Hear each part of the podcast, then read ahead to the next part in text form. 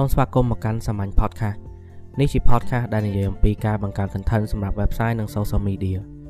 ស្វែងរកសាមញ្ញ podcast នៅលើ Google Podcast Apple Podcast Spotify និង Anchor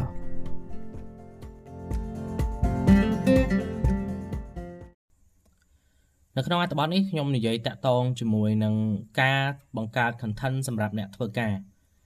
យើងដឹងហើយថា business ទាំងអស់ត្រូវការ content ដើម្បីជួយ promote ខ្លួនឯង ចុះសម្រាប់ខ្លួនយើងដែលជាអ្នកធ្វើការធម្មតាវិញហេតុអីបានជាចាំបាច់ត្រូវបង្កើត content នឹងគេដែរបាទ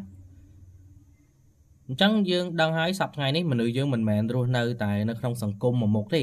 យើងនៅមានបណ្ដាញសង្គមយើងនៅមានអ៊ីនធឺណិតមួយទៀតអញ្ចឹងអាឈ្មោះរបស់យើងនៅក្នុងបណ្ដាញសង្គមហ្នឹងវាខុសប្លែកពីអ្វីដែលកើតមានឡើងកាលពីពីមុនពីមុនពីមុនណាបើសិនជាយើងមាន profile នៅលើ Facebook នៅលើអីគ្មានអ្នកណាគេខ្វល់ទេ ប៉ុន្តែឥឡូវនេះបើសិនជាយើងអាចមានឈ្មោះនៅលើអ៊ីនធឺណិតយើងអាចប្រើប្រាស់អាឈ្មោះហ្នឹងមកមកជួយផ្សព្វផ្សាយពីខ្លួនឯងបានទៀតអញ្ចឹងខ្ញុំឧទាហរណ៍ថាយើងជាអ្នក IT ម្នាក់តែរងថ្ងៃនោះពេលដែលបន្ទាប់ពីធ្វើការហើយយើងមកតែវិញយើងអង្គុយបង្កើតវីដេអូជូតរៀបបង្រៀនគេសរសេរកូដអញ្ចឹងអាវីដេអូរបស់យើងហ្នឹងតែមួយថ្ងៃមួយថ្ងៃខំធ្វើបន្តិចមួយថ្ងៃខំធ្វើបន្តិចអញ្ចឹងវាបង្កើតបានជាគេឈ្មោះមួយសម្រាប់យើងថាជា អ្នកសរសេរកូដម្នាក់តែនៅក្នុងស្រុកខ្មែរមិនមែនមានអ្នកសរសេរកូដតែយើងម្នាក់ទេមានច្រើនទៀតប៉ុន្តែអ្នកផ្សេងទៀតគេអត់មានបង្កើតវីដេអូដូចយើងទេអញ្ចឹងអ្នកដែលគេមើលវីដេអូហ្នឹងគេស្គាល់យើងថាជាអ្នកសរសេរកូដអាហ្នឹងជាចំណុចដែលយើងគួរតែគិតគិតឡើងវិញបានន័យថាយើងបង្កើតឈ្មោះឲ្យខ្លួនឯងដោយប្រើប្រាស់ content ហើយ content របស់យើងអត់ចាំបាច់មានអីពិបាកទៅអីអង្គុយថតវីដេអូរហនឹករាប់ថ្ងៃទេ content របស់យើងចេញមកពីអីដែលយើងធ្វើរាល់ថ្ងៃនៅកន្លែងការងារយើងហ្នឹង យើងយកវាមកនិយាយមកវាអាចជា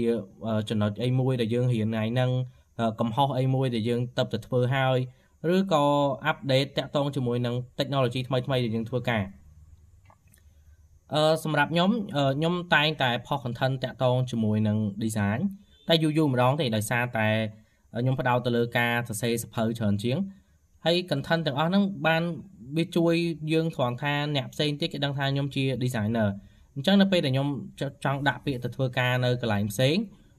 ជួនកាលខ្ញុំអត់គេអត់ទាំងទា CV ហងដោយសារតែគេដឹងថាយើងជា designer គេដឹងថាយើងធ្វើការអីហើយហើយអា content ដែលយើង update រាល់ថ្ងៃហ្នឹងវាបញ្ជាក់គេថាអាហ្នឹងជាអីដែលយើងអាចធ្វើបានគេមើលទៅតាមកន្លែងហ្នឹងបាទអញ្ចឹងយើងកសាងឈ្មោះខ្លួនយើងគេហៅ personal branding ហ្នឹងយើងធ្វើអា branding តខ្លួនហ្នឹងដើម្បីឲ្យអ្នកដតីហ្នឹងងាយស្រួលនឹងទុកចិត្តយើងបានលឿនជាងមុន សម្រាប់អ្នកធ្វើការរឿងទុកចិត្តនេះគឺមានប្រយោជន៍មែនតើបើសិនជាគេអត់ទុកចិត្តយើងទេគេក៏មិនឲ្យការងារយើងធ្វើដែរបាទហើយនៅក្នុងសម័យនេះអ្នកធ្វើការភាគច្រើនគេរកស៊ីក្រៅបាទរកស៊ីក្រៅនេះមិនមែនមែនថាលួចរបស់ក្រុមហ៊ុនយកទៅលក់ទេគឺយើងរកបច្ចេកក្រៅធ្វើអញ្ចឹងបើគេមិនដឹងថាយើងចេះអាហ្នឹងផងគេអត់ដឹងថាយើងចង់ធ្វើបច្ចេកខាងក្រៅផងគេក៏តាក់ទងមកយើងដែរ content របស់យើងដែលយើងធ្វើណាទោះបីជាយើងអត់ប្រាប់គេក៏ដោយក៏គេដឹងថាយើងចង់ promote ខ្លួនឯងដែរអញ្ចឹងយើងងាយស្រួលទេយើងគ្រាន់តែធ្វើទៅហើយបន្ទាប់មកគេមើលឃើញយើងគេនឹងតាក់ទងមកយើងហើយអឺចំណុចមួយដែលយើងតែងតែគិតខុសតាក់ទងជាមួយនឹង content marketing ការធ្វើ content ខ្លួនឯងហ្នឹង content marketing មិនមែនជា promotion ទេអញ្ចឹងនៅពេលដែលយើងធ្វើអីមួយចេញមកជាវីដេអូឬក៏ជា podcast ឬក៏จะសេជាអត្ថបទក្រោយវាអត់មានបានផលប្រយោជន៍អីមកវិញភ្លាមភ្លាមទេ ព្រោះទូនីតិរបស់វាគឺអឺ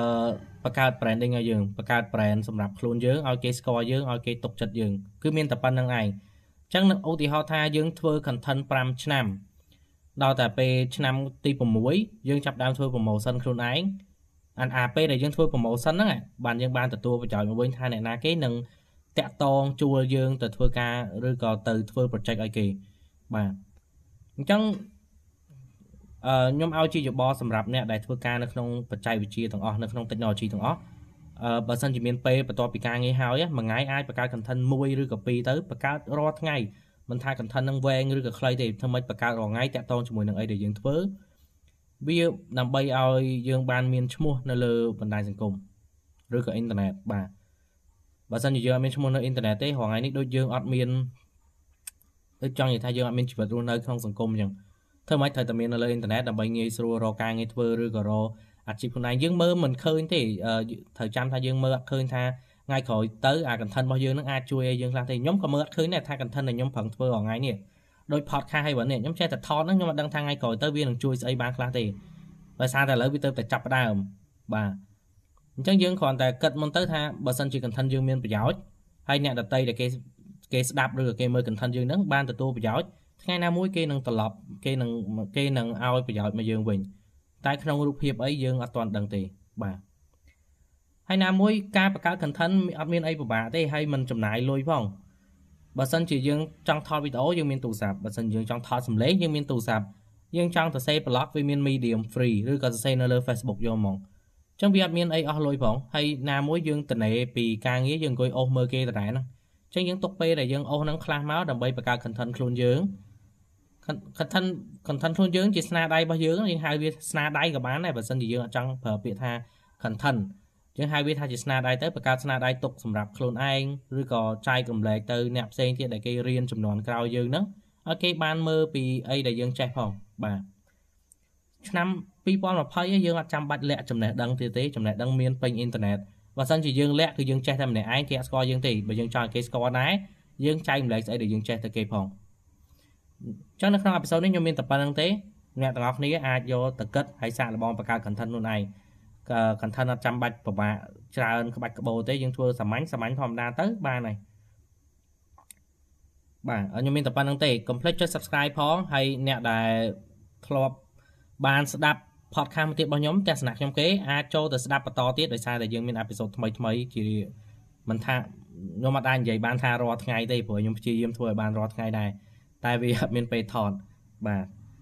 បាទអរគុណច្រើន